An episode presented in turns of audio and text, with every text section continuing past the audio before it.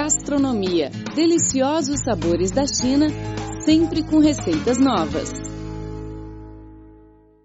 Olá, amigos, tudo bem? Seja bem-vindo a mais uma edição do nosso programa Gastronomia. Sou a Rosana Zhao e estou muito contente por compartilhar neste espaço a cultura gastronômica e as receitas mais deliciosas da China e de outros lugares do mundo. Está ao meu lado no estúdio a nossa amiga brasileira Fernanda Vandran. Olá, Fernanda, tudo bem? Olá, Rosana, tudo bem? Olá também, ouvintes do programa Gastronomia. É muito bom estar aqui com vocês, até porque este é um programa onde a gente pode aprender muito sobre o patrimônio imaterial gastronômico de diversos países do mundo de uma maneira gostosa. A Tailândia é famosa mundialmente por sua paisagem linda. Sem dúvida, é também um paraíso para os que gostam das delícias. A riqueza dos seus ingredientes, sabores deliciosos e equilíbrio de nutrição fazem da gastronomia tailandesa uma das mais ricas do mundo. E Fernanda, você viajou pela Tailândia no início deste mês, né? E como foi? Degustou os pratos típicos do país? Sim, eu estive na Tailândia e tive o prazer de apreciar as deliciosas é, receitas da culinária tailandesa. Muita coisa eu percebi que é feito com leite de coco, com coco, é, sobremesa também, uma sobremesa maravilhosa feita de coco com manga. E essa mistura de sabor e de textura é o que caracteriza a culinária tailandesa e o que me chamou muito a atenção. O arroz também tailandês, super famoso e bem preparado. Isso também foi outra característica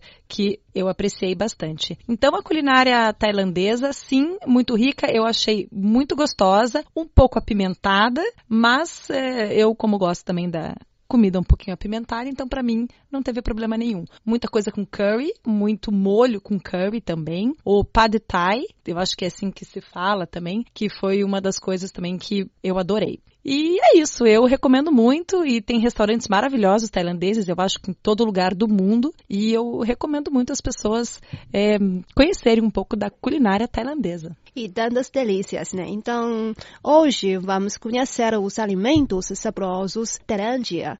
A cozinha tailandesa combina dois mundos que nem sempre andam juntos, além de sofisticada na mistura de sabores e aromas, também é um exemplo de comida saudável, que usa as verduras, frutas, legumes e temperos frescos, resultado de uma fusão centenária de influências ocidentais e orientais. Ainda tem um charme da apresentação primorosa. Geralmente os pratos tailandeses combinam sabores picantes, doces, salgados e ácidos, embora leve um pouco sal, açúcar e óleo. Traços da culinária chinesa e indiana se fazem presentes nos pratos tailandeses, à base de arroz e carril, respectivamente. Além disso, as influências de outras culturas também deixaram marcas importantes, como a pimenta malagueta, introduzida para a região pelos comerciantes portugueses no século XVI.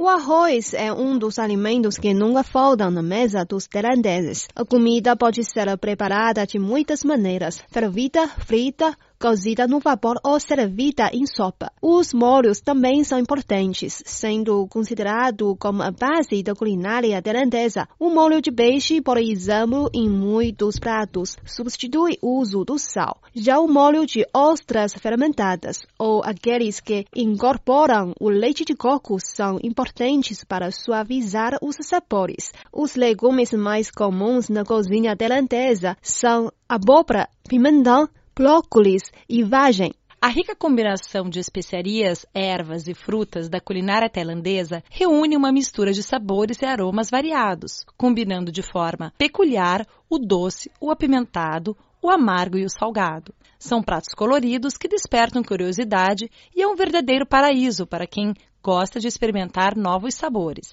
A riqueza dos ingredientes, o requinte da apresentação e o delicioso aroma desta é que é uma das culinárias que faz ser a culinária tailandesa uma das mais ricas de todo o Oriente e com certeza é o que vai te conquistar. A Tailândia encontra-se no cruzamento de rotas na Ásia. Durante séculos, pessoas da China, do Laos, do Camboja, da Indonésia, da Europa e de outros lugares passaram para a Tailândia e muitas delas se estabeleceram ali. Essas pessoas trouxeram os pratos típicos de sua terra natal e os sabores e aromas dessas diferentes comidas se tornaram parte da culinária da Tailândia. Hoje, a gastronomia tailandesa é bem diversificada, mas a maioria das refeições inclui uma variedade de pimentas amarelas, verdes e vermelhas, como pasta de garrial. Essa combinação de garris e pimentas dá à culinária tailandesa os ricos sabores característicos das comidas orientais. Uma refeição típica da Tailândia tem vários pratos que podem incluir sopa, salada, carril e molhos para acompanhar a comida. Um item indispensável às refeições é o arroz. Depois vem a sobremesa, que pode incluir doces feitos à base de açúcar e ovos. A polpa e o leite de coco também são usados para fazer os doces típicos tailandeses. Um fator importante para uma boa comida em qualquer lugar é que os ingredientes sejam frescos e na Tailândia eles são encontrados facilmente. Os mercados nas cidades vendem frutas, hortaliças e peixes frescos, além de temperos como capim-limão, coentro, alho, gengibre, galanga, cardamomo, tamarindo e cominho. Nesses mercados, você também vai encontrar muitas pimentas e limões, que são ingredientes importantes dos pratos tailandeses. Caso esteja visitando a Tailândia ou queira provar a culinária tailandesa perto de Gaza, experimente Dom Yingong, uma sopa acre e picante de camarão, que é uma especialidade da Tailândia. Outras boas opções são salada picante de mamão, macarrão transparente com frango ou pato assado, carne de porco desfiada ou beixe marinado. Marró, que significa cavalos a galope, é uma mistura de carne de porco, camarão e amendoim servida em abacaxi fresco e decorada com pimentas vermelhas e folhas de coentro. Para finalizar a refeição, experimente uma sobremesa feita com o tipo especial de arroz glutinoso, leite de coco e manga. Na Tailândia, algumas pessoas também têm o hábito de inserir os insetos na alimentação. São comuns principalmente na área rural e nas cidades do interior. Os mercados de rua oferecem grandes variedades de opções de pratos. Além disso, há também nos mercados diferentes tipos de frango frito, batatinhas adocicadas e temperadas, milho frito e muitos outros alimentos. Papaya, manga, tamarindo, banana, jaca e goiaba são entre as suculentas frutas típicas tailandesas. Vendidas em barraquinhas de rua, os pedaços ou batidas com gelo são um petisco refrescante. Na Tailândia, você também não pode deixar de degustar os camarões, lagostins, lulas e polvos, que são temperados com pimentas malaguetas, carril, galanga, uma raiz da família do gengibre, coentro, capim-limão e leite de coco.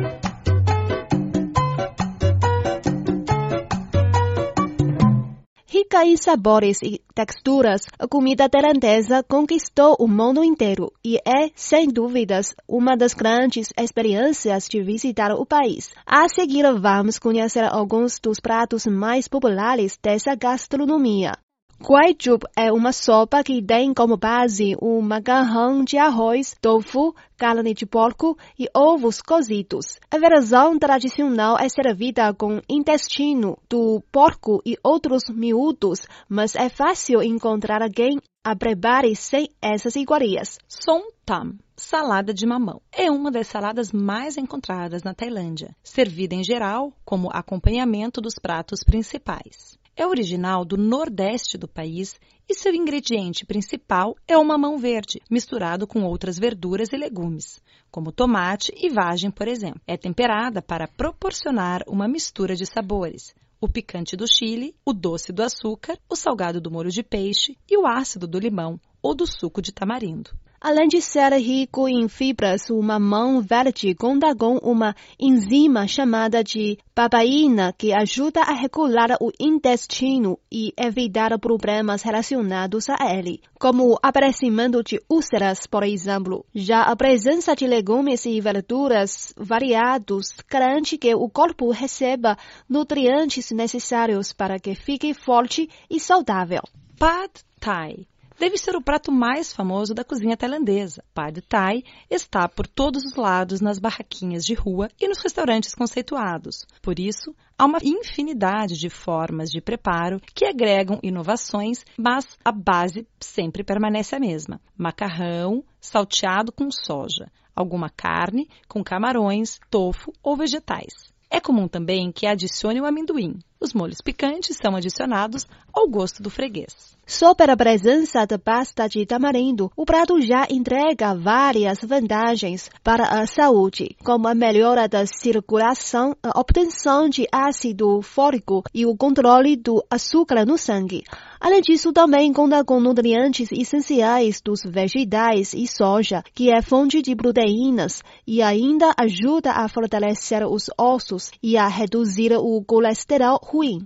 Satay espetinho de porco marinado com cúrcuma e leite de coco e acompanhado com molho de amendoins. É um dos aperitivos mais populares da Tailândia, perfeito para aquele lanchinho entre as refeições ou para acompanhar uma cerveja. Tom Kha Gai é uma sopa de frango e leite de coco aromatizada com galangal, uma raiz da família do gengibre, além de tomate e cogumelos. A mistura de ingredientes cria um contraste entre o sabor ácido dos temperos e a cremosidade do leite de coco. A presença do leite de coco faz com que o alimento seja fonte de fibras e ajude a controlar o colesterol, enquanto o frango ajuda a desenvolver a saúde do cérebro. Também previne o mal de Alzheimer. O toque de gengibre, por sua vez, se destaca para combater os radicais livres com sua ação antioxidante e ainda ajuda quem quer perder peso para acelerar o metabolismo. A comida tailandesa é rica em sopas, mas tom yum com sopa de camarões picantes e leite de coco ocupa um lugar especial no coração dos locais. Leva frango, lima, cogumelos, alho, soja e uma gama de, bem ampla de temperos e especiarias que geram a mistura de sabores que tornam essa gastronomia famosa: picante, doce, salgado e ácido. É considerada por muitos o prato mais saboroso e representativo da Tailândia em restaurantes, costuma ser servida com um pequeno fogareiro para que não esfrie. Panemu é um prato de garrial vermelho que pode ser preparado com porco, cordeiro, frango ou mariscos. O leite de coco adiciona um toque cremoso e as limas um sabor refrescante. Kai Kip Van é parecido ao ba neimu em sua forma de preparo, porém aqui se usa o carrial verde e em geral é servido com carne de peixe. Costuma ser acompanhado de arroz ou macarrão. Curry Massaman é outro prato de carril preparado com carnes, em geral de cordeiro ou frango, mas também dá para encontrar com pato e porco. É um dos carris mais populares do país e é servido com arroz branco e uma salada de pepino, chile e cebola, temperada com vinagre e açúcar. O poder de reduzir a pressão arterial e o efeito anticoagulante estão entre as vantagens do carril para a saúde, mas não para por aí. Ele também ajuda a controlar a diabetes e é um aliado em quadros depressivos e ainda faz parte da lista de alimentos que ajudam a prevenir o mal de Alzheimer. Pelo clima tropical e solo rico, a Tailândia tem uma diversidade nas frutas. Em seguida, vamos conhecer algumas frutas típicas do país. As durians são as frutas mais características do sudoeste asiático. O sabor é apreciado pelos tailandeses e detestado por estrangeiros. Por isso, é conhecida pela frase ame ou odeie essa fruta. O seu aroma é tão forte e característico que existem sérias restrições e proibições ao seu consumo. Nos aldeias é comum pragas de proibido consumir durian, sob pena de multa. Mas mesmo assim, o durian é conhecido como o rei das frutas, quando ao seu cheiro ou odor, muitos descrevem como chulé, ovos podres e vômito. Mangostins é uma fruta exótica e muito doce. Ela é facilmente encontrada e sua textura derrete na boca. Conhecida como a rainha das frutas, sua casca de cor escura e sombria esconde um interior claro e delicioso. Não é à toa que a fruta é a predileta da família real britânica. Seu preço na Tailândia é super acessível.